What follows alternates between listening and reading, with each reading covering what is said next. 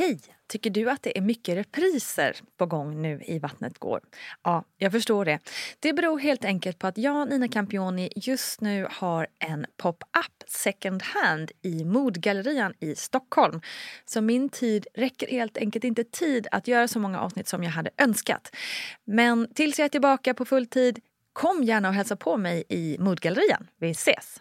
För varje gång jag nämnt att jag födde med barnmorskor eller att jag skulle föda med barnmorska så var det ah, you're going natural. Alltså det var mm, alltid att det var okay, lite okay. hippie. Just det. Hallå, hallå, hallå! Vattnet går här, coming to you denna måndag.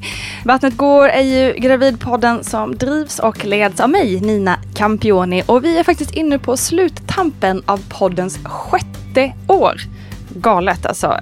Helt otroligt. Hur kan tiden bara rusa iväg sådär? Jag fattar verkligen inte. Och värre blir det när man har fått barn, minst sagt.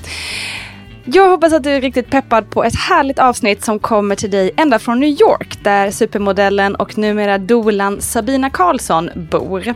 Sabina berättar här om sin resa till föräldraskapet som inkluderar hur det är att föda barn i USA, att vara gravid under en pandemi och planeringen av en hemmaförlossning. Och som vanligt har vi världens bästa Gudrun Abascal med oss, men nu välkomnar jag Sabina Karlsson.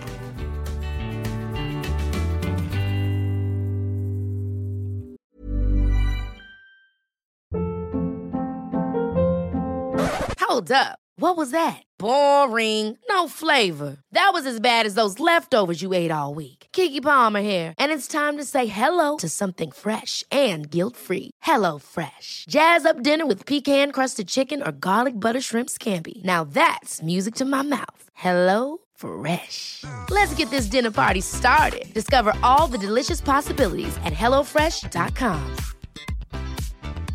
Cool fact a crocodile can't stick out its tongue. Also, you can get health insurance for a month or just under a year in some states. United Healthcare short term insurance plans, underwritten by Golden Rule Insurance Company, offer flexible, budget friendly coverage for you. Learn more at uh1.com. Quality sleep is essential. That's why the Sleep Number Smart Bed is designed for your ever evolving sleep needs. Need a bed that's firmer or softer on either side? Helps you sleep at a comfortable temperature? Sleep Number smart beds let you individualize your comfort so you sleep better together. JD Power ranks Sleep Number number 1 in customer satisfaction with mattresses purchased in-store. And now, save 50% on the Sleep Number limited edition Smart Bed for a limited time. For JD Power 2023 award information, visit jdpower.com/awards. Only at a Sleep Number store or sleepnumber.com.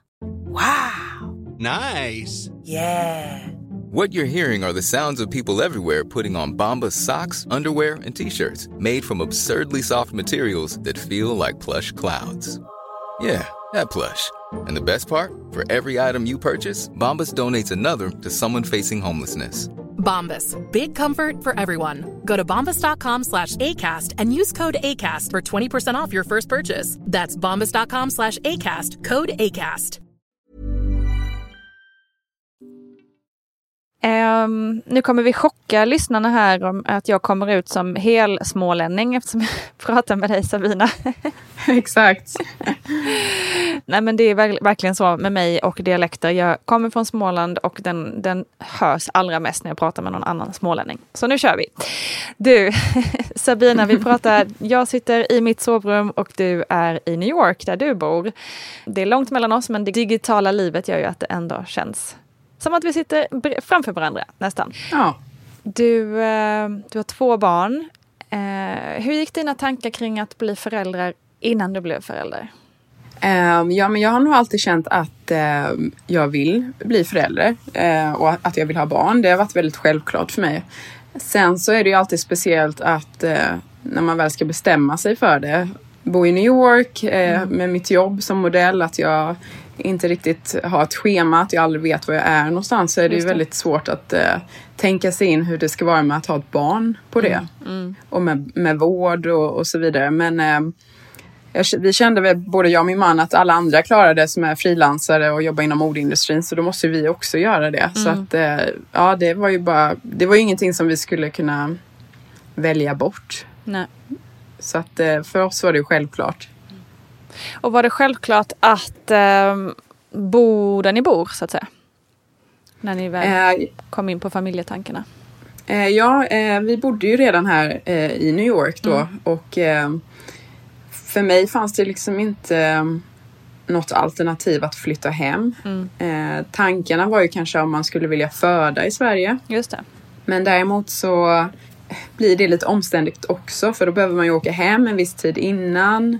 Eh, ska man bo hos sina föräldrar då liksom i sitt gamla tjejrum och med nyfödd och man. Och det, det kändes inte optimalt och sen så ville vi också såklart att vårt barn skulle få amerikanskt medborgarskap. Just det. Eh, för att eh, vi båda är på green cards så eh, då hade ju endast barnet fått det. Det. Eller endast, men det hade fått Ja, green ja. card. Men det blir en Eh, extra trygghet förstår jag.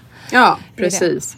Så att, eh, ja, nej, det, för oss var det självklart att stanna kvar i New York. Och varför tror jag också är för att eh, jag har kommit så pass långt i min karriär som jag gjorde att jag kände mig väldigt trygg. Eh, på min, den plats jag är liksom. Eh, vilket underlättar ju då när man ska få barn så att man vet att man kan lösa nanny och så vidare. Och, Just det. Ja, ja. Du, eh, eftersom ditt yrke är så specifikt och handlar så mycket om utseende och sådär. Hur var det att eh, liksom jobba med det du jobbar och samtidigt ha en liksom, kropp som plötsligt inte gör som du kanske vill att den ska göra? Ja, precis, exakt. Ja, och det var man ju eh, nervös över innan. Just Mm. att man så här, hur, när kommer det börja synas? Ehm, är det efter två månader? Kommer jag sluta jobba då? Ehm, därav, i och med som modell har du ju ingen månadslön. Så att eh, det är ju bara efter varje uppdrag och jobb Mm. du gör. Så det var ju väldigt många frågetecken. Men, ehm, så det var ju lite en, en press på en. Eh, som man inte kan påverka såklart. Men lyckligtvis så är ju min industri så pass att den har ju ändå utvecklats och är lite mer accepterande nu med kroppstyper och att man, kropp, kroppen förändras och man går upp i vikt och ner och så här. Så att ehm, det, det, det, det funkade väldigt bra för mig. Ja. Ehm, gjorde det. Min agentur här i New York, Jag Models, de är väldigt också accepterande och skulle aldrig sätta någon press på mig över att min kropp förändras utan de bara stöttade mig genom hela eh, graviditeten. Eh, sen syntes det ganska sent på mig med min första eh, graviditet. Jag tror att jag, när jag var sex månader gravid så gick jag Fashion Week. Oh, wow. Ja, och ingen visste att jag var gravid förutom eh, Mike, Michael Kors själv för att de gör ju fittingen och allting när de provar kläder. Ja, eh, så att eh, jag hade tur. Ja, jag hade tur att, att jag inte syntes så tidigt som modell i alla fall. Men det är intressant det där du säger också, för det är ju någonting som man själv också så här, som konsument och, och jag har ju också jobbat mycket med modeindustrin här i Sverige. Att det liksom har börjat förändras ganska mycket och man ser ju ofta liksom gravida modeller både på catwalk och på omslag och, och även liksom inte bara trådsmala längre och så vidare. Eh, Men, men då tänker man ju också så här, "Åh, gud, undrar om det bara är en trend eller tror du att det är liksom här för att stanna lite eller hur känns det? Hur känns det i branschen? Ja, det är absolut här för att stanna. Eh, jag tycker att i början så kanske man tänkte att det här kanske bara är en trend. Du Vet, när hela plus size-grejen kom och att man skulle eh, passa in i någon slags ram. Eh, För då hade jag själv då börjat jobba som plus size-modell som eh, industrin eh, kategoriserade mig som. Eh, och det var väldigt svårt för mig också för jag var alltid för smal så att jag var alltid tvungen att eh, antingen använda paddings när man liksom gör sig större och lägger in liksom så här ilägg. Eh, Medan nu så är det ju mer att folk bokar mig för den storleken jag är och för den modellen jag är. Just det. Eh, och jag skulle aldrig, jag, jag tror inte att samhället så, så eh, skulle inte acceptera att vi skulle gå tillbaka till att eh, endast ha en eh, kroppsideal så inom mode. Ehm, för att, jag menar med Instagram, sociala medier, allting, alltså det alla är på eh, företagen och vara inkluderande och så vidare på alla håll. Så att eh, jag, jag tror verkligen att det här är här för att stanna. Det, jag ser inte någon annan, någon annan, annan eh, Väg. något annat utfall liksom. Det låter ju optimistiskt och underbart. Äntligen, Ja. får man väl säga. precis. Ja, det kan man verkligen säga. Ja, ja, eller hur? Men tillbaka då till din eh, första graviditet. Eh, som sagt, det syntes inte, i alla fall på utsidan, på en tid. Men hur mådde du? Eh, första månaden så var det här illamående eh, och att jag inte var sugen på att äta så mycket. Eh, men det varade nog bara en månad skulle jag vilja säga. Sen så, um, jag vet inte om det var att jag var så upptagen med att jobba och jag reste. Att jag inte hann tänka för mycket på hur jag mådde. Eh, I en balans såklart för det, man vill inte ha för mycket att göra heller när man är gravid. Man måste ju så här, gå in i sig själv. Men eh, så att jag, jag hade en väldigt bra graviditet. Eh, jag har inte så jättemycket att klaga om över det, mer mot slutet såklart när det brukar bli tungt eh, för alla, de flesta. Eh, men i och med att jag älskar mitt jobb så himla mycket och kunde jobba så länge. Eh, jag gjorde en editorial för Vogue en vecka innan jag födde Zion, min Wow. son då. Ja. Så var det ju, tror jag att det hjälpte mig också under graviditeten att bibehålla den delen av mig själv, alltså min identitet, att få jobba. Eh, hade jag blivit hemma för länge och suttit och väntat så tror jag att jag inte hade njutit lika mycket av graviditeten. Hur upplevde du liksom systemet där i New York och USA? Alltså med, jag tänker liksom eh, träffar och checkups och, och förberedelse för förlossning och så. Ja, det är ju ett kapitel för sig för att det är ju så overwhelming. Det är alldeles för mycket som man måste ordna med. Så det är väl det, det var väl nästan mest eh, stressfullt skulle jag säga. Eh, med att ett, kolla upp vilken försäkring du har och då har man ju en privat hälsoförsäkring. Eh, som också är att man måste nästan vara utbildad inom det för att förstå om man har en bra eller om det eh, vad allting innebär. Och sen så ska du ju då se så att det stället, om du vill föda på ett eh, sjukhus, så att de accepterar din, tar emot din försäkring. Eh, och sen kan det ju vara till och med så att du måste kolla så att den ehm, personen som du ska gå till tar emot din försäkring också. Okej, så det är många Som led jobbar. med det där. Ja, ja, väldigt mycket. Så att eh, det, det tyckte jag, alltså som svensk, nu har ju inte jag varit gravid i Sverige och varit med i systemet där, men det låter väldigt mycket enklare i Sverige. Man tecknar en extra försäkring på 2000 kronor. Eh, och sen så är man gravid och går till sin barnmorska och så här. Men eh, här får man ju verkligen ja, men göra sin research och eh, som doula trainee som jag är så hade jag mina kontakter och började fråga runt. Ehm, och pratade bland annat med min blivande doula då. Eh, som då kunde hjälpa mig med rekommendationer och fråga lite om vad det var för typ av förlossningsplats jag ville vara på och, och så vidare. För du så det var ju redan- väldigt hjälpsamt. Ja, förlåt. För visste du redan från början att du kände att du behöv, ville ha en doula med dig? Absolut, absolut. Ja. Eh, då hade inte jag utbildat mig till doula men eh, jag hade ju varit på många eh, events och föreläsningar och så. Så att jag tyckte verkligen att eh, det, att det, eller jag förstod vikten av att ha en doula på plats. Ehm, redan då. Det är rätt vanligt jag- där också, eller? Det är, det är vanligt skulle jag säga att ha en doula. Eh, det är inte alla som har möjligheten att ha en doula eh, på grund av eh, ekonomiska anledningar. För det kostar ju så att ehm, så finns det vissa doulor som gör det pro bono eller för vissa kanske unga, unga mammor och så vidare som kanske inte har den finansiella delen.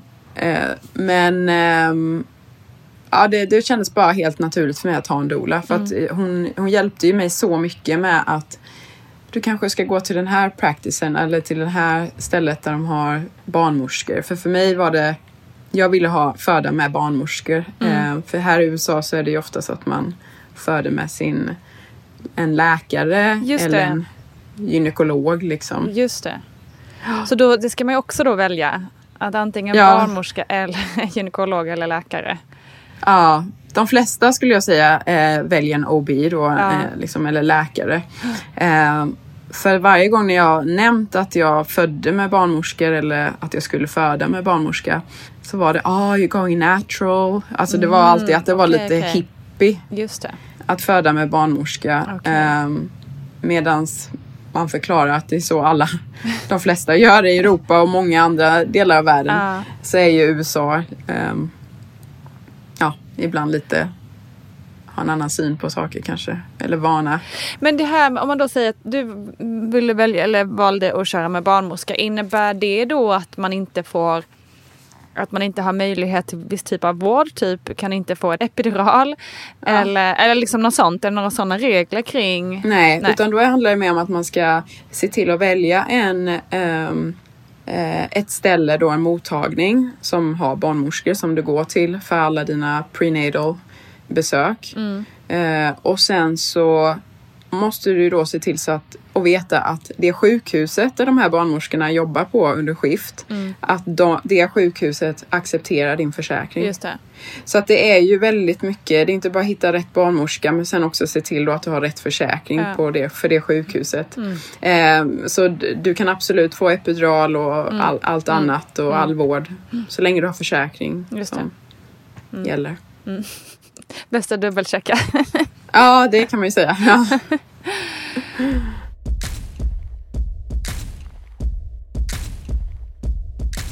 Men du, när du närmade dig förlossning där då, hur, hur, hur såg du på det? Kände du någon nervositet eller rädsla eller hur var dina tankar? Jag har ju eh, tidigare, bara för att eh, fatta mig kort, så har jag alltid varit rädd för att föda. Jag har alltid tänkt att jag kommer vara den som behöver gå i samtal och behöva förbereda mig inför kejsarsnitt. Ehm, men med tiden, eh, under, tiden som jag har intresserat mig mer av hela förlossningsvärlden så har ju jag kollat på så mycket videos, alla serier man kan kolla på, youtubat sönder liksom. All, allting. Så att eh, jag var ju så himla taggad inför min förlossning. Jag var, ja, jag var så förväntansfull och kände verkligen att jag förberedde mig mentalt och fysiskt inför den. Härligt. Mm. Det var det är väldigt härligt var det i och med att jag kom från det stället att jag var väldigt rädd. Precis, just det. Så var det väldigt skönt att jag kunde komma dit då. Eh, verkligen. Och, känna, mm. Ska vi ta oss till när, när det började hända något då? Precis, eh, så jag var eh, beräknad eh, i mitten av juni. Mm. Eh, och eh, det är ganska varmt i New York på Jag skulle sommaren. säga att, det, det är eh, riktigt hett där. Ja, det var väldigt varmt så det var väl säkert 30 grader här då. Ehm, och detta var, um, ska vi se, sex dagar innan BF. Ehm, så var vi hemma, det var helg. Jag och min man var hemma och jag hade ju en lång lista som många gravida har som man ska bocka av allting man ska göra. Eh, och det sista på min lista var att vi skulle hänga upp en tavla som bara stått ner på golvet. Så vi ringde upp vår eh, så här, vaktmästare eller de har så här maintenance i byggnaden som kom upp och skulle hjälpa oss. Ehm, och han satte upp den och jag då bockade av eh, punkten på listan. Och sen var det, jag tror det var kanske 30 minuter senare så fick jag min första verk. Kul. Eh, nu vet jag inte om det har med listan att göra men eh, det är lite komiskt liksom. Ja. Ehm, Kroppen bara, okej, nu är jag redo. nu, nu hänger tavlan där den ska. Eh, så då var det lite mensvärkskänsla jag fick då. Eh, och innan dess så hade jag inte haft några förverkar mer än lite, eh, lite så här Braxton Hicks. Svårt för mig nu för när man har varit gravid i ett engelsktalande land så är det Just svårt det. att veta vad man säger på Ja men exakt. Ja, men det är bara att Svenska. köra på. Vi kan alltid förtydliga i efterhand. Men jag tror just Braxton Ja. Hicks tror jag ändå, för det står ändå en del om det även i de svenska gravidböckerna. Ja, Jag okej. tror det kallas ja, det vad bra. också, även om det säkert finns något annat svenskt ord. Men det är inte helt Ja. okänt i alla fall. Vad är Braxton Hicks och var kommer det namnet ifrån egentligen? Braxton Hicks, det är sammandragningar eller förverkar som oftast börjar någon gång i andra trimestern, alltså tredje, fjärde månaden, som kommer och går. De blir inte starkare och inte tätare och så kan de hålla på sådär i, någon, i eh, allt ifrån en kvart. Och så sedan så lägger det av och så slappnar av så händer ingenting. Ibland kan det hålla på längre och så vidare. Det kommer och går. Men det är inte så att eh, det startar, drar igång ett förlossningsarbete och själva livmoderhalsen blir inte påverkad och så vidare. Däremot så finns det ju vissa kvinnor upplever det som obehagligt och blir oroliga. Eh, men, men det kommer och går och det är vanligare nog hos omföderskor än hos förstföderskor. Jag tycker att man kan också Mm. kalla det för förverkar av till. En del säger också att Braxton Hicks, det är att kanske inte hela livmodern drar ihop sig utan kanske en viss del av livmodern som blir hård. Att det blir en sammandragning men resten är mjuk. Så det kan se lite olika ut. Om nu ska säga när kan det här förekomma mer? Ja, det är om man rör mycket på sig och byter positioner och så, så, så kan det uppträda mera. Och om har man en fylld livblåsa och så, så kan det också göra att det, trycker på livmodern och retar då till att det blir sådana här sammandragningar. Men det är helt, helt okej att ha det. Men byt ställning och kissa. Så. Just det. Vet du var namnet kan komma ifrån? Ja, vad tror du? En manlig, en manlig doktor i England. Naturligtvis. och de var ju tvungna att sätta dit sitt eget namn förstås. Precis. Vissa av oss behöver mer bekräftelse än andra. Eh, så kan vi säga. Från och med nu kallar vi det för Gudrun Abascal eh, syndrom eller något sånt.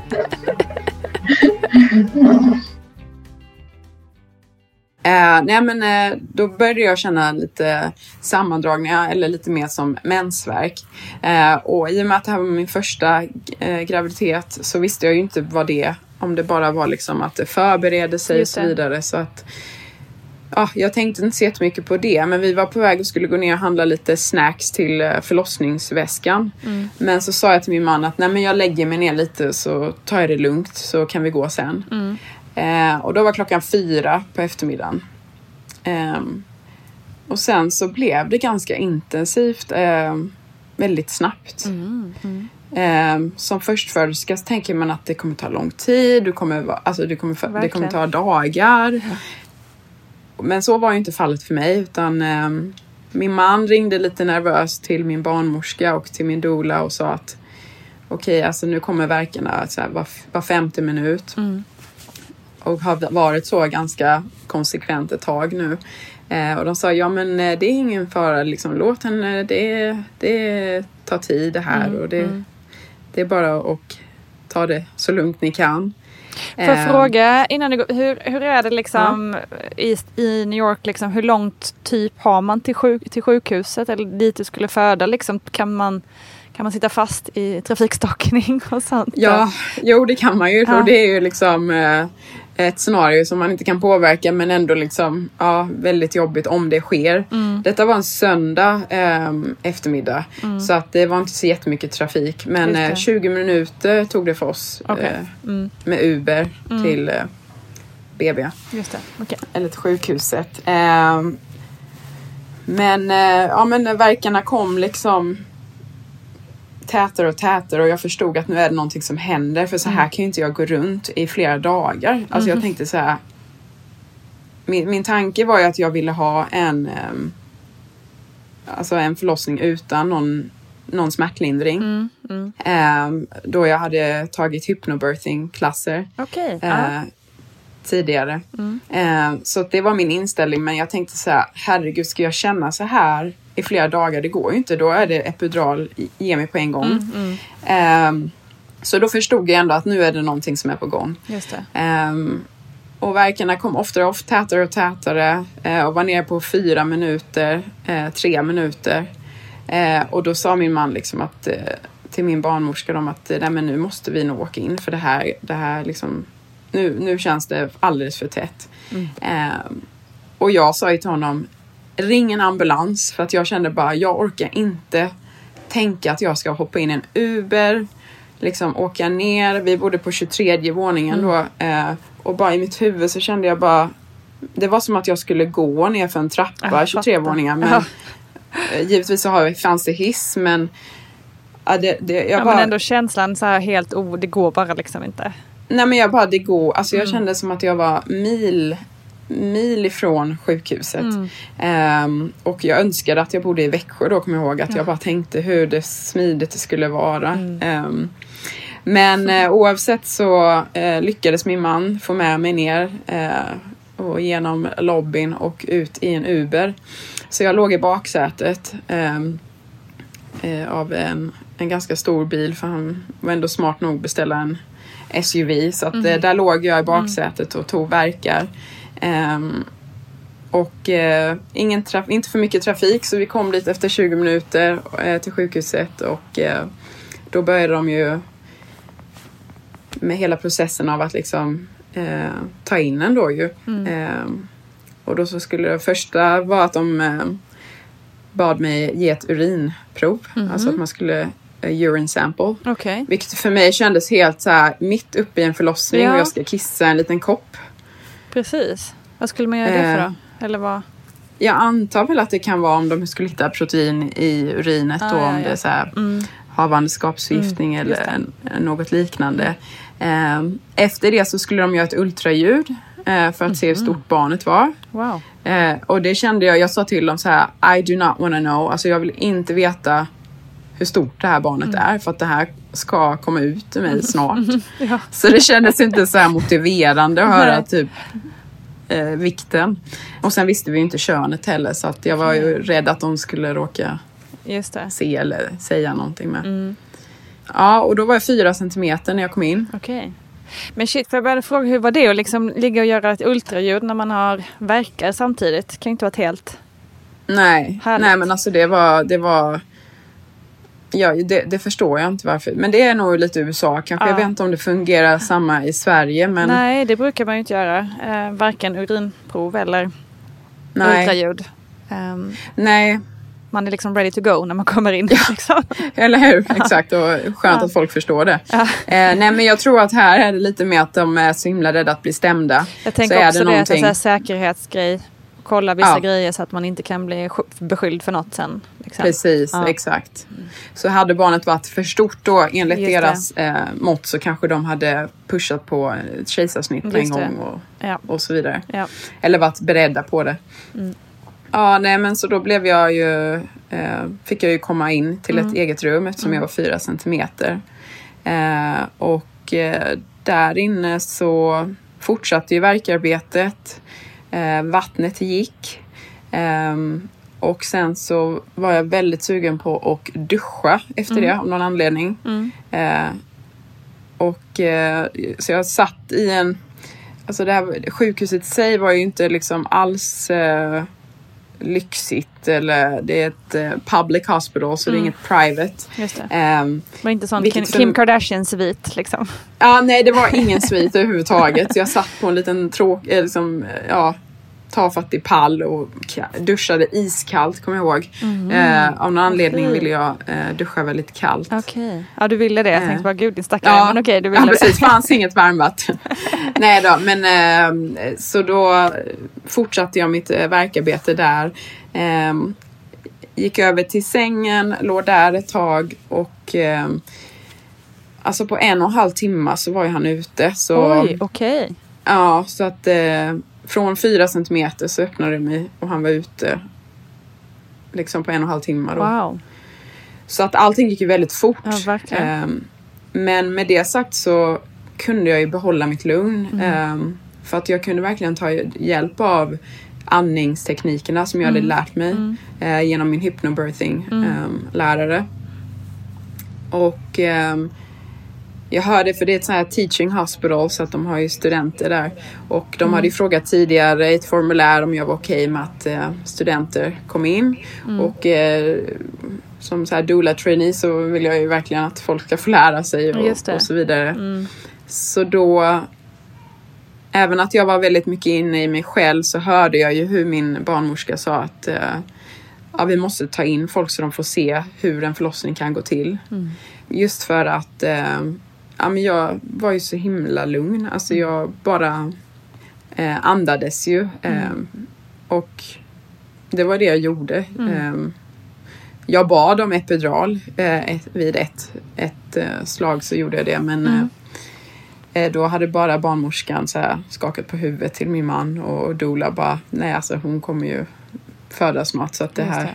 ja, kommer liksom inte hinnas med. Och så, mycket riktigt så var det ju med ju. Men det är så intressant det där med hypnobirthing också. ehm, den tekniken. För liksom, hur kan man beskriva hur man känner? För man känner ju smärta naturligtvis. Men man kan ändå gå in Alltså hur, hur skulle du beskriva det liksom? Mm.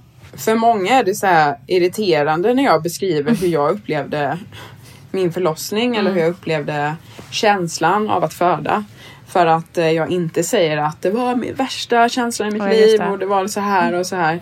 Ehm, för att eh, för mig var det typ som en, eh, som jag säger på engelska, sensation. Alltså inte Mm. så här amazing sensation men det var liksom som en känsla som man, eller en ehm, typ som en våg som man var tvungen liksom att bara Eh, rida ut och det var absolut inte behagligt eller att jag gärna skulle vilja känna den känslan varje dag. Men jag upplevde inte att det var ren smärta så som jag Nej. föreställt mig att födandet skulle vara. Att det skulle vara eh, hugg. Alltså jag har ju Just föreställt det. mig så här, hugg i magen och liksom eh, underlivet och ryggen och allting. Eh, utan det var liksom eh, Ja, det var en sensation som jag var tvungen att liksom eh, ta mig igenom och det gjde jag genom andningen. Ehm, och jag vet att många har ju pratat om, de säger ring of fire när huvudet ska Ja. ut. Eh, så det var ju nästan det jag var mest rädd över vet jag också varför jag bad om epiduralen. För jag visste att det har jag ju framför mig nu när jag låg där.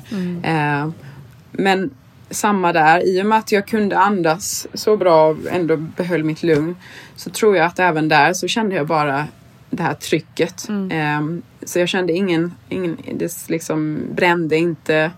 Ja, jag, skulle, jag kan inte beskriva det som smärtsamt. Jag kan inte beskriva eh, förlossning som smärtsamt. Jag säger inte att det är behagligt men det är inte smärta för mig heller. Otroligt ändå. Ja, Häftigt. Hur var det att liksom inse att den har kommit ut? Hur kände du? Nu är den ute.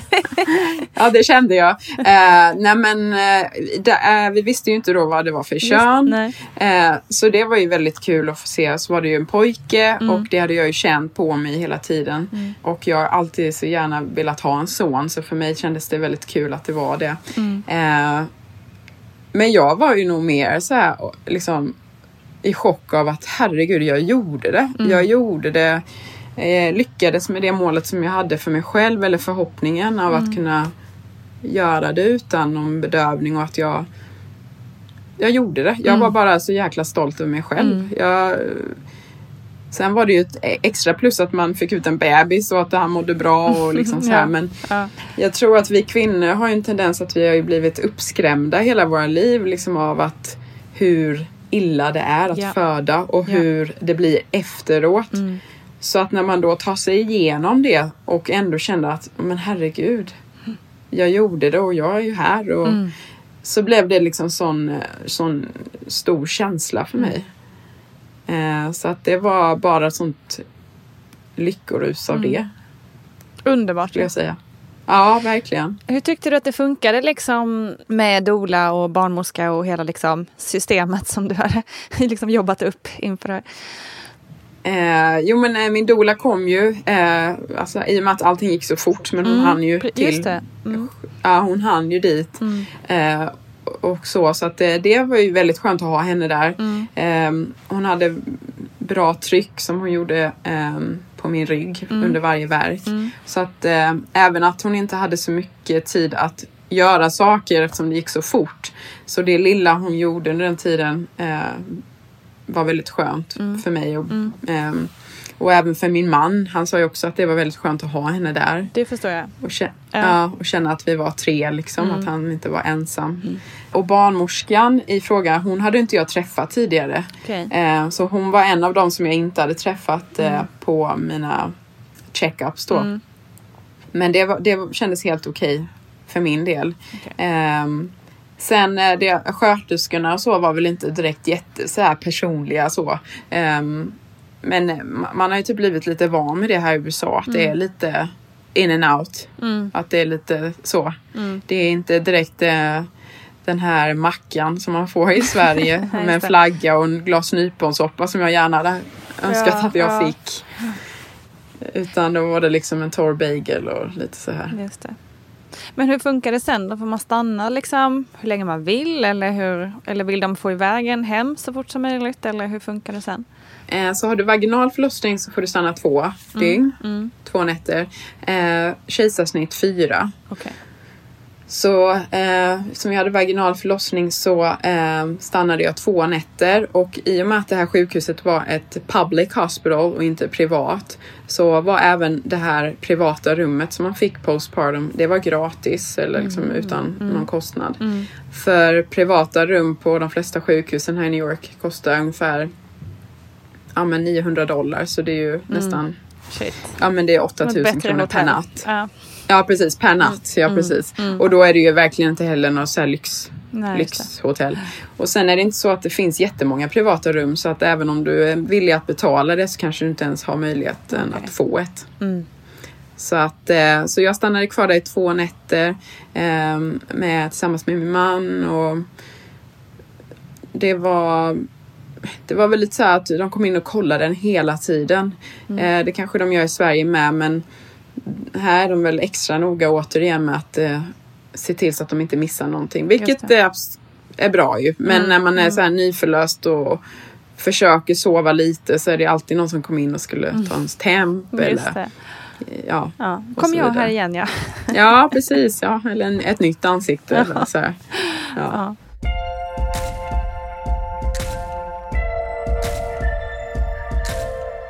Hur mådde du då som, som nybliven förälder? Som eh, fysiskt sett så eh, mådde jag väldigt bra. Mm. Jag behövde bara sy liksom, så här, andra second degree tear. Mm, Liksom. Ehm, och eh, jag återhämtade mig väldigt snabbt. Eh, jag vet när vi kom hem, eh, jag borde väl inte gjort det, men så här började jag städa och sånt eh, dagen efter för att mina föräldrar skulle komma också från Sverige. Ehm, och absolut inte att de skulle sätta, de hade nog inte någon, eh, några förväntningar om att ha nystädad lägenhet när de kom till oss. Men, så jag var ändå, kunde vara på mina ben ganska snabbt. Det är också Ehm, rätt vanligt att man blir lite sådär uh, euforisk pigg liksom. De Ja, första dagarna precis. efter att man bara springer runt som Ja. en idiot. Liksom. ta, ta igen liksom. Ja, ja. Ja, exakt. Ehm, men, eh, men däremot så försökte jag ju ta det väldigt lugnt och så, och så vidare för att det, det är ju en omställning såklart från kroppen att eh, allting från balansen kände jag var ju helt, man hade ju ingen balans och ryggen var ju som att någon hade kapat av den. Det kändes som att den var liksom helt svag. Alltså, Jag hade ju ingen styrka i, i ryggen i alla fall den första veckan eller två. Mm. Ehm, men däremot så blev det ju väldigt mycket eftersom det var ju väldigt alltså ångesten som jag började känna Mm. när man kom hem, oftast på kvällarna eller främst på kvällarna skulle jag säga. Mm. Var ju liksom bara så fort det blev mörkt ute så bara kände jag att det kom liksom som ett moln över mig. Eh, för då blev jag orolig för Mm. att nu är, det, nu är det nattskiftet kändes det som. Mm. Eh, nu ska jag vara, se till så att han klarar sig genom den här natten. Mm. Ehm, att han andas. Att det, ja, det var så mycket Mm. grejer som jag kände, kände gjorde mig orolig. Mm. Ehm, så att eh, det, det var väldigt jobbigt. Och sen hade Zion så här eh, reflux. ehm, Mhm, mm. Sura uppstötningar och Just det. Eh, som gjorde att han spydde då ofta. Mm. Och sen att det var väldigt eh, jobbigt för när han gjorde det. Eh, och ibland så blev det att han nästan så här höll andan Ja, just när det. det kom upp och Mm. att det kanske kom genom näsan. Eh, och då höll han ju andan och fick han ju panik av det. Och eh, när man har sett det några gånger så vet, känner man bara men herregud nu måste jag ju kolla honom hela det, tiden så att ja. inte det här händer. Mm. Ehm, så att det, det var väldigt jobbigt. Mm, det kändes som att jag hade ett ansvar på mig. Och, ja. Mm. så, så den ångesten var inte, inte rolig. Nej. Kunde du prata om den och liksom få stöd i det på något sätt? Ja, min man är väldigt stöttande och så så att han förstod ju också det. Han Mm. Eh, tyckte ju också att det var jobbigt till viss del. Eh, kanske att man som mamma har någon annan slags överbeskyddande Mm. eh, g- eh, känsla och band till barnet. Eh, pratade med min familj, frågade min, eh, min sons läkare då, hans Mm. pediatrician. Mm. Eh, vad, ska jag, vad ska jag göra? Hon bara, ja du får bara ha koll. Ja, okej. Och alltså det, när hon sa det till mig, jag kände bara nej men gud, hon kan, det, så där får, det får inte hon säga till mig för att Nej, ha koll. Okej, men då är det ju verkligen eh, nattskift. precis. Kan ju Eh, inte sova eller någonting liksom. Nej, Nej. så att eh, det kändes som att jag hela tiden längtade att han skulle bli äldre. att det fattar. var de sa men det pikar när han är fyra månader så då längtade jag tills han var fyra månader. Och sen, aha, när är det han slutar? När är det de börjar andas med munnen? Och det är väl vid sex månader eller någonting. Ja men då längtade jag efter det. Just det. Ja men när det han kan vända sig så att om han får något på ansiktet att han kan ta bort det. Så att det var lite så att man längtade Just kände det. jag till en början efter de Just det. olika Inte kunde Eh. vara njuta i nuet lite eh, liksom så.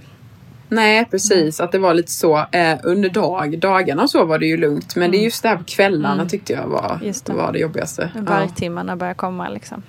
Ja, precis. Ja, fy. Jag kan, kan känna den ångesten. Jag tror många kan känna Ja. igen sig i det. Verkligen. Ja. Reflux är ett ord som man hör lite då och då. Vad är det egentligen och hur, hur vanligt är det? Reflux, eh, det är att man har sura uppstötningar. Och då kan man väl då säga så här att, att eh, den övre magmunnen är ju inte helt tät.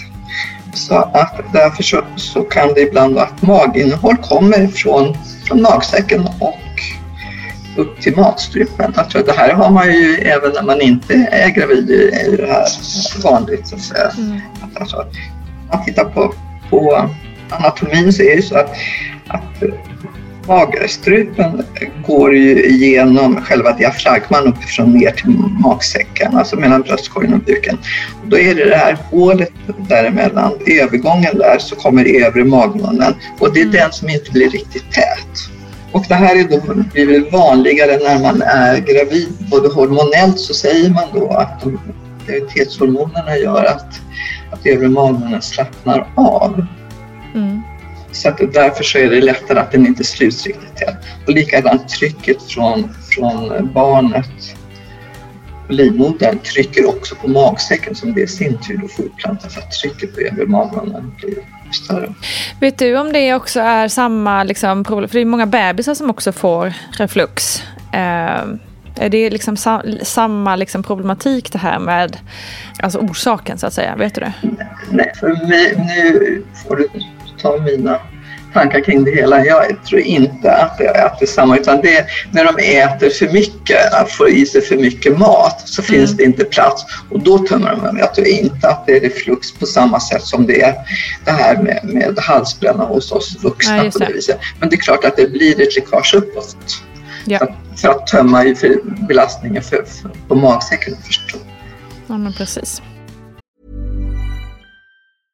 This is Paige, the co-host of Giggly Squad, and I want to tell you about a company that I've been loving, Olive and June. Olive and June gives you everything that you need for a salon quality manicure in one box. And if you break it down, it really comes out to $2 a manicure, which is absolutely insane. It's also so easy to get salon worthy nails at home with Olive and June. The difference between how your nails used to look when you did them yourself and now with the Manny system is a complete game changer. The best thing about Olive and June too is it's a quick dry. Dries in about one minute, lasts for five days, and full coverage in up to one to two coats. Visit oliveandjune.com slash perfectmanny20 for 20% off your first system. That's oliveandjune.com slash perfectmanny20 for 20% off your first system. Quality sleep is essential. That's why the Sleep Number Smart Bed is designed for your ever evolving sleep needs. Need a bed that's firmer or softer on either side? Helps you sleep at a comfortable temperature? Sleep Number Smart Beds let you individualize your comfort so you sleep better together. JD Power ranks Sleep Number number 1 in customer satisfaction with mattresses purchased in-store. And now, save 50% on the Sleep Number limited edition Smart Bed for a limited time. For JD Power 2023 award information, visit jdpower.com/awards. Only at a Sleep Number store or sleepnumber.com. Hey, it's Ryan Reynolds, and I'm here with Keith, co star of my upcoming film, If, only in theaters, May 17th. Do you want to tell people the big news? All right, I'll do it. Sign up now and you'll get unlimited for $15 a month in six months of Paramount Plus Essential Plan on us. Mintmobile.com slash switch. Upfront payment of $45 equivalent to $15 per month. Unlimited over 40 gigabytes per month. Face lower speeds. Videos at 480p. Active Mint customers by 531.24 get six months of Paramount Plus Essential Plan. Auto renews after six months. Offer ends May 31st, 2024. Separate Paramount Plus registration required. Terms and conditions apply if rated PG. Ever catch yourself eating the same flavorless dinner three days in a row? Dreaming of something better? Well, HelloFresh is your guilt-free dream come true, baby. It's me, Kiki Palmer. Let's wake up those taste buds with hot, juicy pecan-crusted chicken or garlic butter shrimp scampi. Mm. Hello Fresh. Stop dreaming of all the delicious possibilities and dig in at HelloFresh.com. Let's get this dinner party started. A lot can happen in three years, like a chatbot may be your new best friend. But what won't change? Needing health insurance. United Healthcare Tri Term Medical Plans, underwritten by Golden Rule Insurance Company, offer flexible, budget friendly coverage that lasts nearly three years in some states. Learn more at uh1.com. Men du, eh, nu ska vi se så vi tar det i rätt ordning. Blev du gravid igen eller började du utbilda dig till doula innan du blev gravid för andra gången? Ja, ja precis. Jag utbildade mig till doula mm. innan jag blev gravid andra mm. gången. Mm. Så kort efter att eh, Zion föddes så gjorde jag min första eh, workshop. Då. Mm. Och vad var det som gjorde att du drogs till det? Eh, nej men jag har alltid varit intresserad av, eller eh, sen, inte alltid men eh, sen många år tillbaka då så har jag varit intresserad av förlossningsvärlden. Mm. Eh, och jag kände att jag ville lära mig mer om det. Och inte bara läsa mig till på nätet eller via böcker. Mm. Och då eh, rekommenderade min doula mig att eh, kolla in det här Mama Glow ehm, som Latham Thomas då driver eh, från Brooklyn. Och då gjorde jag det och det bara kändes så rätt med alla grejer de står för och mm. lite spirituella och att de verkligen är så här, eh, advocate, liksom att eh, stå upp för kvinnor och även eh, liksom women of color och, mm. och så vidare. För att mm. det, de, det ser ju, jag kan ju inte tala för Sverige för jag har inte jättemycket kunskap och information men eh, det jag vet här så är det ju väldigt eh, Alltså kvinnor är utsatta som det är men mm. eh, Alltså en svart kvinna i mm. New York i sig har ju, är ju 12 gånger, har ju 12 gånger större chans att dö under mm. förlossning mm. än en vit kvinna. Mm. Och det är New York och jag känner ändå att New York borde vara väldigt så här... Känns ju ändå ganska upplyst och liksom... Ja, ja och framåt och ja. liksom och, och så här. Men mm. eh, så ja, det är liksom hela den grejen är väldigt... Eh, det är mer än att bara vara med på en förlossning och, och, och hjälpa någon och stötta. Mm. Utan det är som en större fråga för mig också. Jag förstår det. Det är helt vansinnigt när man hör det. Alltså, det är liksom... mm. Ja, fy det går inte in. Nej. Ja, jag förstår verkligen att det blir en jättefråga på många sätt. Mm. Mm. Um, sen kom pandemi och du blev gravid igen. Ja, precis. Eh, så det var inte så här eh, i början graviditet av pandemin eller vad man säger. eh, utan det var så här eftersläng. Uttråkad. Eh, ja, precis. Exakt. Uttråkad. Bara nu måste vi ha något. Göra något. Eh, nej men eh, så, ja men ny, vid nyår plussade jag. Mm. 2020 då. Mm. Eh, och det var väldigt planerat, eh, liksom vår första mm. graviditet var väldigt planerad. Och kanske för att eh, jag och min man är lite sådana som personer, men också det att som med mitt yrke så är det också lite så här, när en bra timing. Just det. Eh, jag kände väl att jag eh, inte lika väl, men jag kunde ju vara gravid i en pandemi för att jag reser ändå inte som jag brukar. Liksom, modeindustrin är inte riktigt som den brukar. Nej, eh, många företag här i USA har inte börjat plåta kampanjer mm. eh, som, normalt, eh, som de normalt sett gör. Så att mm. jag kände att jag inte skulle missa jättemycket mm. eh, med att vara gravid just då. Just det. Eh, sen vet att, jag, eh, eftersom ja. vi har pratat innan, att, eh, det, att du började bli nyfiken på hemförlossning. Eh, kom det redan tidigare eller var det när du blev gravid nu för andra gången? Eh, så till en början hade jag inte alls hemförlossning på eh, agendan. Nej. Utan jag visste att jag ville föda på något annat ställe men inte sjukhus. Mm. Eh, och då är det ju inte så många alternativ. Men eh, Birthing Center Mm, eh, har de det. här i, i New York. Vad innebär det? Eh, ett förlossningscenter då som inte är i detta fallet eh, ihopkopplat med något sjukhus utan det är bara fristående. Som är, liknar lite mer en hemmamiljö. Mm. Och då träffar man ju också barnmorskor eh, under tiden man är gravid. Och sen eh, under förlossning åker man dit och ja, checkar in på ett rum som är lite mer som hemma med säng och kanske Mm. någon soffa eller man har egen toa och så vidare. Mm. Ehm, så det var, det var min plan och Mm. ehm, jag gick mina för, första två checkups. Mm. Ja, Mm. gick jag dit. Och ehm, just det här stället ehm, var nyöppnat på Manhattan. De Mm. har tidigare funnits i Brooklyn. Och nu hade de öppnat en location på Manhattan. Mm. Av någon anledning så kände jag inte riktigt... Personalen var jätte, jättebra, jag fick bra hjälp och så vidare. Men det var någonting som jag kände att här är inte... Det känns inte som att detta är platsen där jag ska föda, där jag kommer känna mig trygg. Mm. Eh, det, det låg liksom på andra våningen i en byggnad som var lite så halvrolig. Mm. Eh, gardinerna hängde på tvären och sen mitt över gatan var en McDonalds. Alltså, Jag kände så här, men gud ska någon kolla, alltså Ja. se någon Ja. in här eller ska man, alltså och sen att man hör ju utifrån gatan det. och ja det kändes bara inte riktigt liksom. Ja precis, det var mycket som inte riktigt stämde. Så att, Mm. Och det var ju lite jobbigt för det var så här, "Ja, men det var ju det här jag tänkte att jag skulle, liksom, den här vägen jag skulle ta. Jag Eh, men då Ja, eh, och då pratade jag med min doula, återigen den doulan som jag hade vid Mm. första förlossningen. Mm. Eh, och hon sa, men eh, du har inte funderat på hemförlossning då? Och först tänkte jag, ja, ja, alltså varje gång jag hör någon som säger att de har hemförlossning så blir jag lite så här, åh gud, det vill jag också. Eller att jag mm. liksom att jag kände att det är egentligen den, det jag borde göra. Alltså, för jag tror att man har sett så mycket när som doula all- hela sin feed. Det är ju liksom alltid sån här Mm. waterbirth och så vidare som ser så härligt ut. Så att eh, när jag började tänka på det mer så insåg jag att ja, det är ju det jag ska göra. Mm.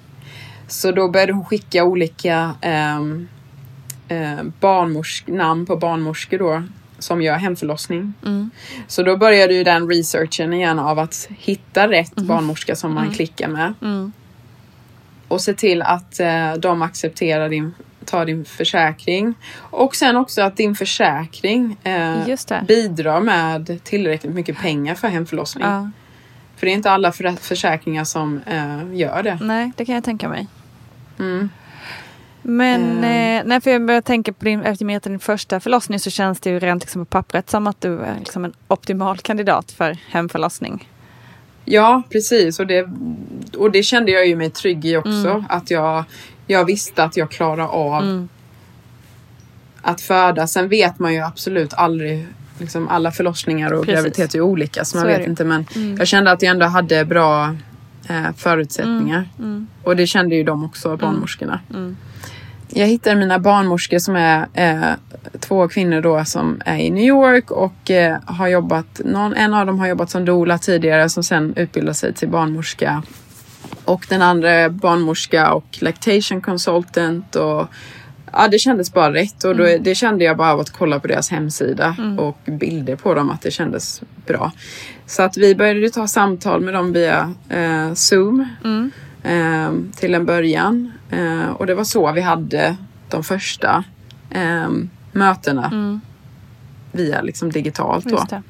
Ja, för nu är du ju liksom också mitt uppe i en pandemi så jag gissar att allt inte var lika lätt som det brukar vara kanske rent med kontakter och Nej. så.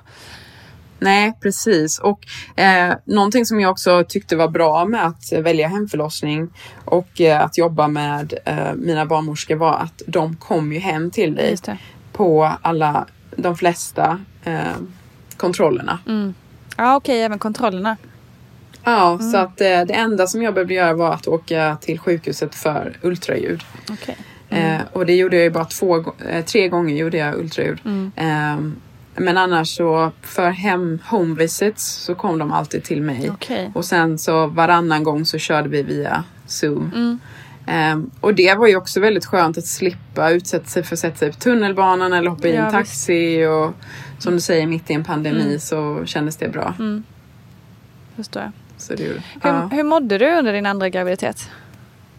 Ehm, återigen eh, illamående i början. Mm. Sen var det den här kroniska tröttheten som folk Mm. har pratat om. Mm. Som jag absolut inte kände med Zion. Ehm, jag, jag kände bara, nej men alltså det här, det här går ju inte. Alltså, om jag ska vara så här trött Mm. hela graviditeten. Då kommer inte jag kunna jobba. Jag kommer inte kunna ta hand om Zion. Mm. För att det var ju åt frukost. Alltså min man lät mig sova ut och sen så gick jag upp och åt frukost. Sen var jag ju redo för att sova igen. Mm. Ja, det är att, fruktansvärt när man är sådär. Det är som Ja. att man aldrig vaknar upp riktigt. Nej, det var, och jag tänkte, hade jag inte varit gravid nu så hade jag ju trott att jag hade någon riktig Mm. vitaminbrist. Mm. För att det var liksom, eh, ja det var väldigt, en ny upplevelse av trötthet. Mm. Eh, men eh, den lyckligtvis varade inte heller så länge. Så några veckor, någon månad. Eh, och sen återigen så mådde jag väldigt bra Mm. i min graviditet. Mm. Eh, jobbade på eh, i den mån industrin Just det. eh, erbjöd mig Ja. att göra. Var du på catwalken Eh. i vecka, eller månad sex den här gången också? Nej, nej det var jag inte. Men jag, jag jobbade i månad sex Ja. också. Eh, det gjorde jag. Jag jobbade upp till två veckor innan Mm, eh, Okej, wow. jag födde denna gången. Mm. Eh, men eh, till en början, i och med att mitt jobb ändå innebär att man reser Mm. eh, en del, så då kände jag i första trimestern så tackade jag nej till alla resejobben. Mm. Eh, just med pandemin och hela grejen. Jag hade inte vaccinerat mig då. Eh, men vilket jag beslöt mig för att göra senare i graviditeten. Mm. Och det var innan de i Sverige rekommenderade Okej. det för gravida. Var det obehagligt tyckte du eller? Ja men det var det. Eh, jag är liksom vaccinerad som alla alla så här barnvaccinationer vaccinationer Mm, mm. som man tar och så Mm. vidare. Men jag är kanske inte en person som hoppar på vilket vaccin, alltså vaccin som helst. Nej. Och sen då vara gravid och sen ett nytt vaccin så var det ju liksom bara... Mm. Nej men jag trodde absolut inte att jag skulle ta det. Eh, men i och med att jag är väldigt exposed, alltså exponerad Mm. som, som modell när man är nära folk, eh, träffar olika människor hela tiden Mm. och många i min industri reser ju också. Just det. Så att det kändes bara att huvudvärken av att vara orolig varje gång Mm. eller när jag fick ett mejl att någon på set var Just det. testades positivt dagen efter. Ja. Så att eh, ni måste testa er Mm. nu. Eller att min man som också som jobbar som fotoassistent så Mm. var han på set någon gång och ehm, var någon där, produ- producenten som testades positivt Mm. när han hade varit i samma rum och han fick ta in på hotell för Mm. att jag skulle jobba dagen efter. Här har de ju tagit väldigt mycket ja, det känns som att det har varit väldigt hårt Ja. här liksom i USA och New Mm. York att man ska isolera sig om man har Mm. varit exposed och så Mm. vidare. Så att det var bara så himla stressigt kände det jag för mig jag att verkligen. hela tiden tänka på det. Eh, givetvis så kan man ju bli sjuk eh, som vaccinerad men det var det beslutet jag tog och det kändes eh, så mycket bättre sen Mm. efteråt faktiskt. Mm. Ja, vad skönt. Ja. Jag förstår det är en stor oro eh, och det tror jag väldigt många i Sverige också känner gravida som liksom, ja men även om rekommendationen är och det ska vara liksom ofarligt och så vidare så är det ju såklart eh, någonting som skapar oro och ångest. Ehm, Absolut. Det tror jag väldigt många känner. Men du, eh, det blir i alla fall, du, du förbereder för hemförlossning. Ehm, och hur, hur gick tankarna då, liksom när du började närma dig BF och så vidare? Kring det, fanns det någon Eh. oro liksom kring det? Eh, nej, jag var ju ehm, som citerar min tjejkompis som sa eh, när hon var gravid andra gången sa hon att hon var avundsjuk på sig själv över att hon skulle få vara med om det här igen. Mm.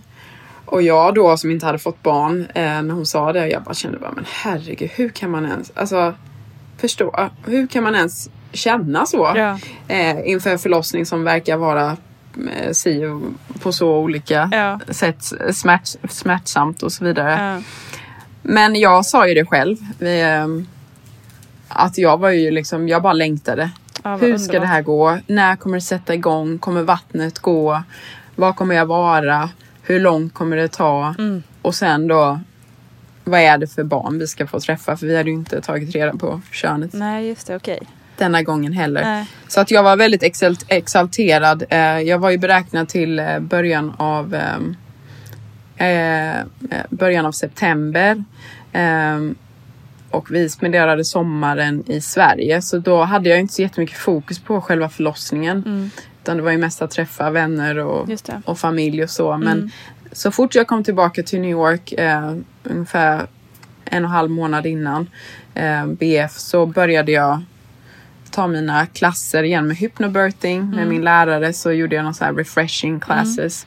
Ehm, för att bara komma tillbaka i det mindsetet. Mm. Ehm, jag gick på massage minst en, alltså en gång i veckan i alla fall.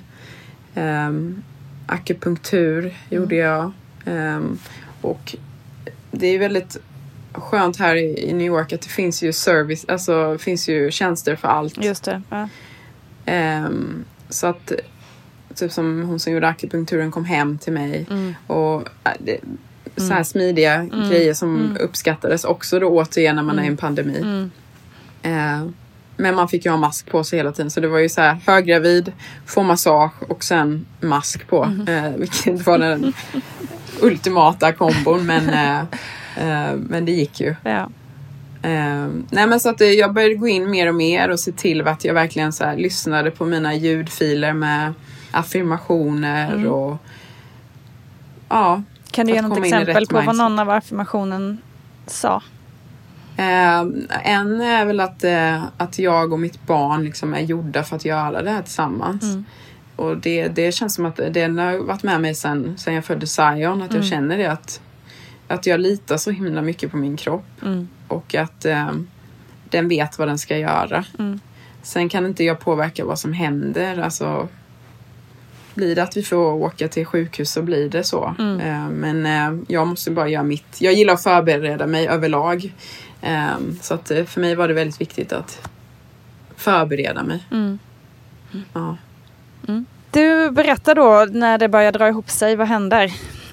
Eh, ja, så det, även denna gången. Jag hade ju en känsla av att det skulle vara eh, tidigt. Denna Mm. gång, komma tidigare Mm. än BF denna gången med. Och denna gången var det 11 dagar innan Okej. BF. Så det var ju ännu tidigare. Mm. Eh, och jag hade varit på massage eh, klockan nio på morgonen. Kom ut, eh, gick till affären. Eh, och så kände jag någon liten sån här verks, mensvärkskänsla igen. Mm. Eh, Så jag fick ändå stanna upp lite liksom, men det var ju bara väldigt no- några få sekunder. Mm. Så gick hem, kom en sån verkkänsla igen. Och säger till min man, ja men nu har jag känt det två gånger men ha ha ha det är ju säkert bara liksom lite för grejer inför det som komma skall. Ehm, men sen så kom, fortsatte komma. Um, var 20 minut kom det Mm. och varade kanske en och en halv minut och så här. Och då var ju klockan ungefär 11 på Mm. förmiddagen. Mm. Och min man började ju liksom redan där börja säga, nej men det här, nu händer det, jag tror att det händer. Och han, du vet, han hade ju, han skulle blåsa upp poolen och Mhm. eh, slangen skulle liksom eh, sättas på kranen och adaptrar hit och dit. Mhm. Så han var lite stressad av det. Så han, känk, han trodde att nu är det på gång. Ja, han hade mycket att göra nu.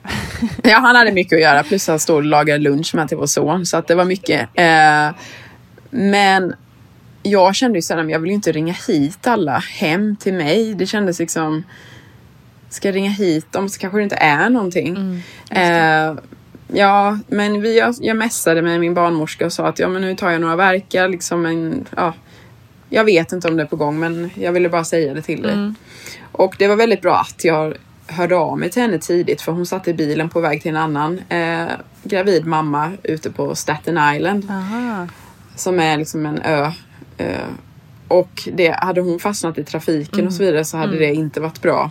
Eh, däremot så har de ju en backup liksom, hon som inte var eh, jobbade just den dagen. Men ja, det var väldigt bra att jag ringde henne i tid. Mm. Ehm, Sen blev klockan 12 eh, och eh, då eh, återigen då verkarna kommer ju oftare och eh, varar typ en minut. Mm. Och då säger min doula, jag kommer. Eh, så hon tar sig från Brooklyn till mig. Eh, och jag ringer även till min barnmorska och säger, jag tror att eh, du får komma nu. Och då har hon cirkulerat i området där vi bor bara för att Ja, för hon kände väl att det kanske Ja. det var någonting på gång. Också. fint ändå. Ja. För hon ville vara på säkra sidan. Mm. Och jag tror att hon kom, hon kom hit till, till, till mig vid halv, halv två kom hon. Mm. Då var alla här liksom. Eh, och min son var med hans nanny så att de Mm. hade hunnit äta lunch hemma och hade hunnit gå ut från lägenheten. För det Mm. var någonting som jag visste att jag inte ville att han skulle vara med på förlossningen. Mm. Eh, För att jag ville verkligen eh, kunna fokusera och inte bli distraherad Ja, det förstår jag verkligen. Ja, så att eh, det funkar också väldigt bra att de kunde gå ut och eh, lägenheten var barnfri så att säga. Så halv två kommer de och då kan jag ändå liksom fortsätta prata med dem mellan verkar och jag kan ändå säga hej, ja, ja nu är det nog på gång och ja, vad kul att ni är här och så vidare. Klockan eh, blir liksom, ja, det går väl någon timma och då är det som att min kropp har börjat slappna av mer nu när alla är här. Och verkligen tillåter mig att nu kör vi. Just det. Tavlan är Ja. upphängd, alla är här.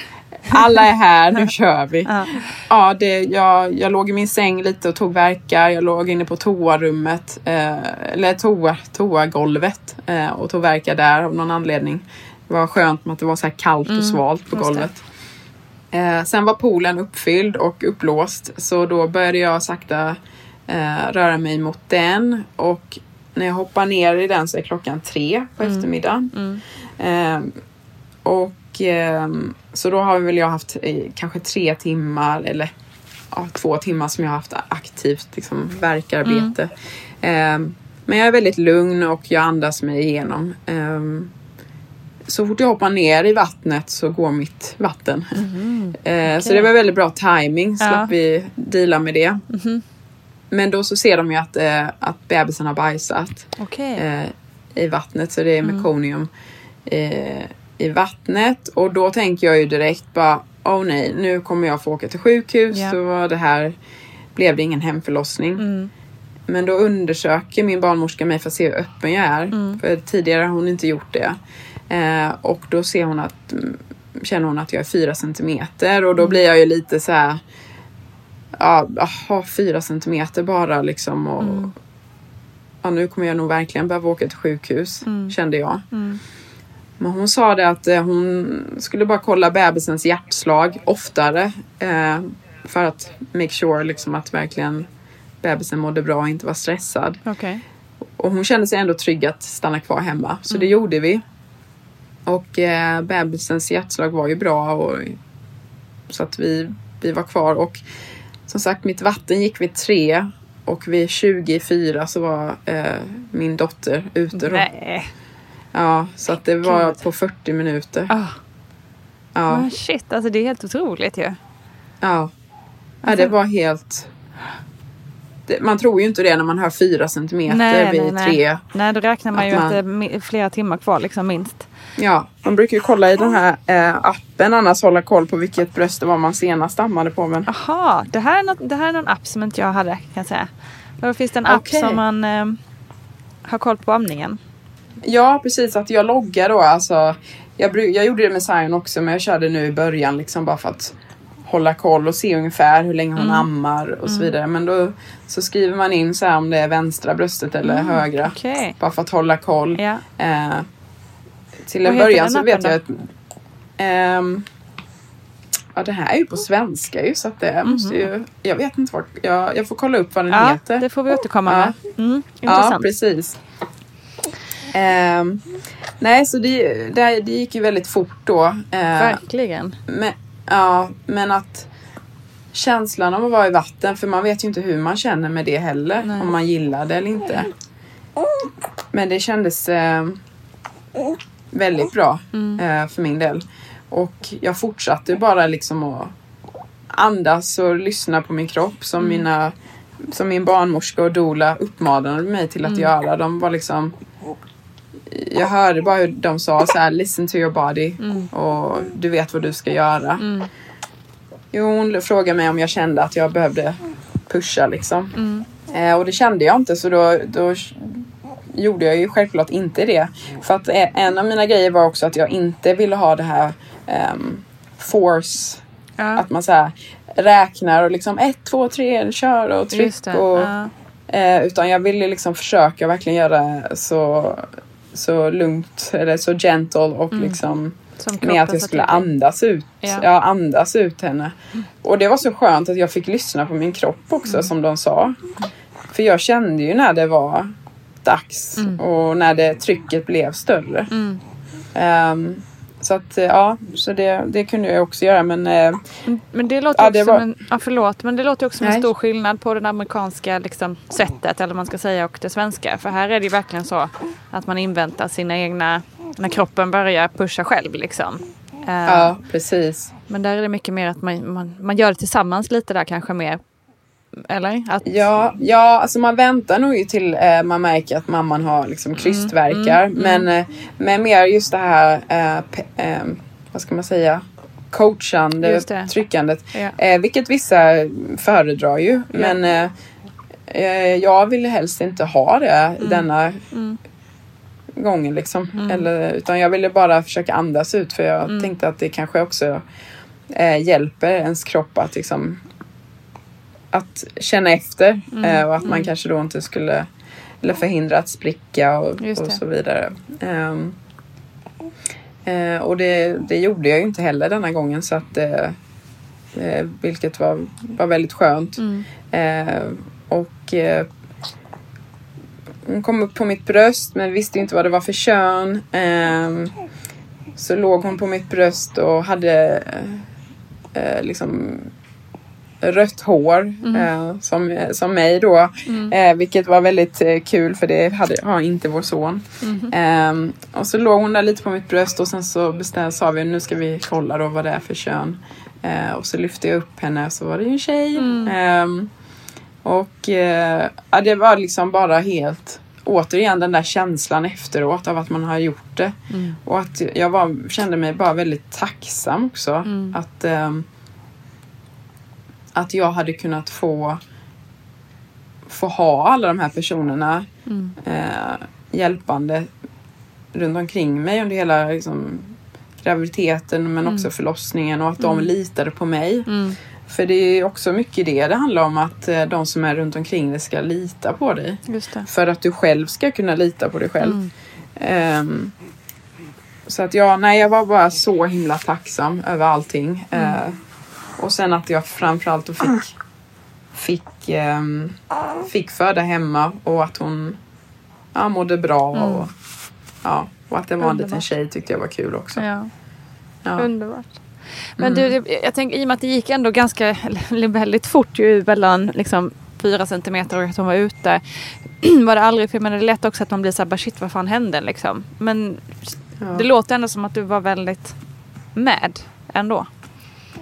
Ja, precis. Det, för det är hela tre, tre, tre timmar och 40 minuter tog det ungefär liksom. Mm. Eh, skulle jag väl säga. Så att, eh, och det var väl därför jag inte trodde att det var på G i början. Just för att Mm. jag var så lugn Mm. och att jag kände mig i kontroll. Mm. Ehm, så att, eh, nej, jag, jag, jag upplevde inte att det kom som en våg över mig att herregud vad händer. Ja. Eh, utan jag kände att jag var i kontroll och att eh, Ja, nej det Alltså jag var ju så taggad på det här ju. Jag Mm. ville ju bara jag, Nu vill inte vi ha fler barn eh, eh, Idag i alla fall vill vi inte det. Men ehm, Så därför liksom eh, Alltså jag hade gärna bara fått vara med igen om att föda barn. Mm. Eh, sen så här efteråt kanske inte alltid. Alltså just med att eh, Men just bara eh, liksom föda och det Mm. Skulle jag verkligen vilja vara, Mm. vara med om och göra igen. Men, Men det eh, låter sannerligen som något för dig helt klart. Ja precis, jag får väl återkomma med det. Man vet ju aldrig. Nej precis. Vänta några år så bara Ja är det precis. där igen. Exakt.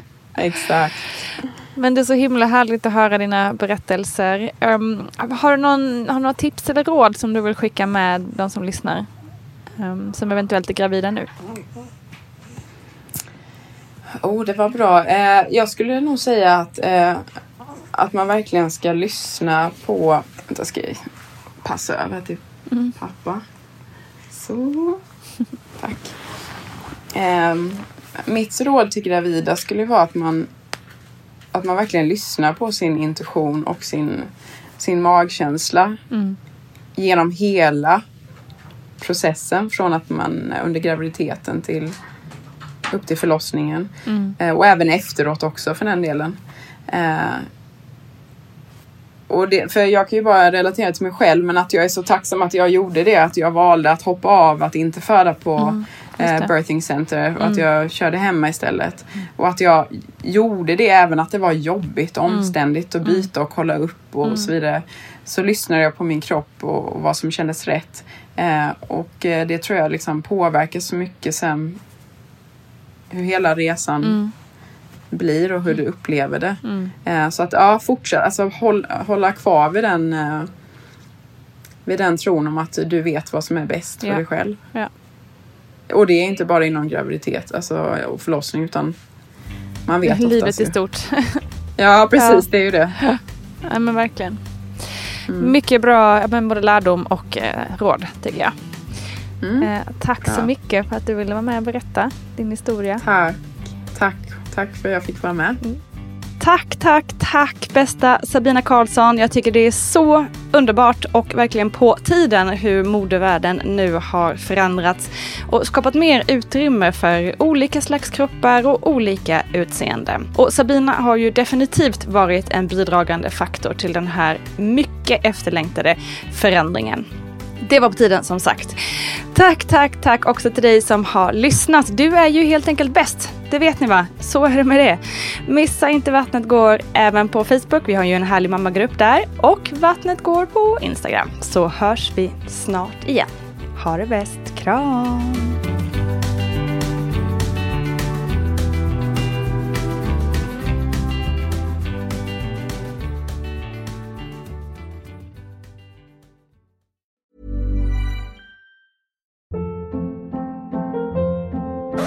Hold up. What was that? Boring. No flavor. That was as bad as those leftovers you ate all week. Kiki Palmer here, and it's time to say hello to something fresh and guilt-free. Hello Fresh. Jazz up dinner with pecan-crusted chicken or garlic butter shrimp scampi. Now that's music to my mouth. Hello Fresh. Let's get this dinner party started. Discover all the delicious possibilities at hellofresh.com.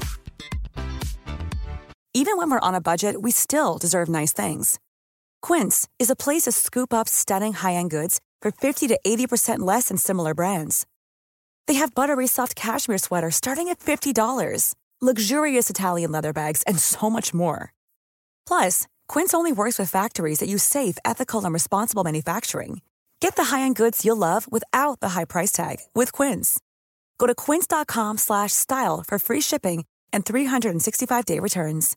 Imagine the softest sheets you've ever felt. Now imagine them getting even softer over time. That's what you'll feel with Bowl and Branch's organic cotton sheets. In a recent customer survey, 96% replied that Bowl and Branch sheets get softer with every wash. Start getting your best night's sleep in these sheets that get softer and softer for years to come. Try their sheets with a 30-night guarantee. Plus, get 15% off your first order at bowlandbranch.com. Code BUTTERY. Exclusions apply. See site for details.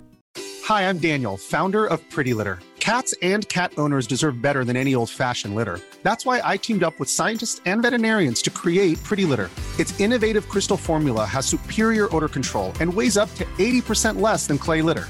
Pretty Litter even monitors health by changing colors to help detect early signs of potential illness. It's the world's smartest kitty litter. Go to prettylitter.com and use code ACAST for 20% off your first order and a free cat toy. Terms and conditions apply. See site for details.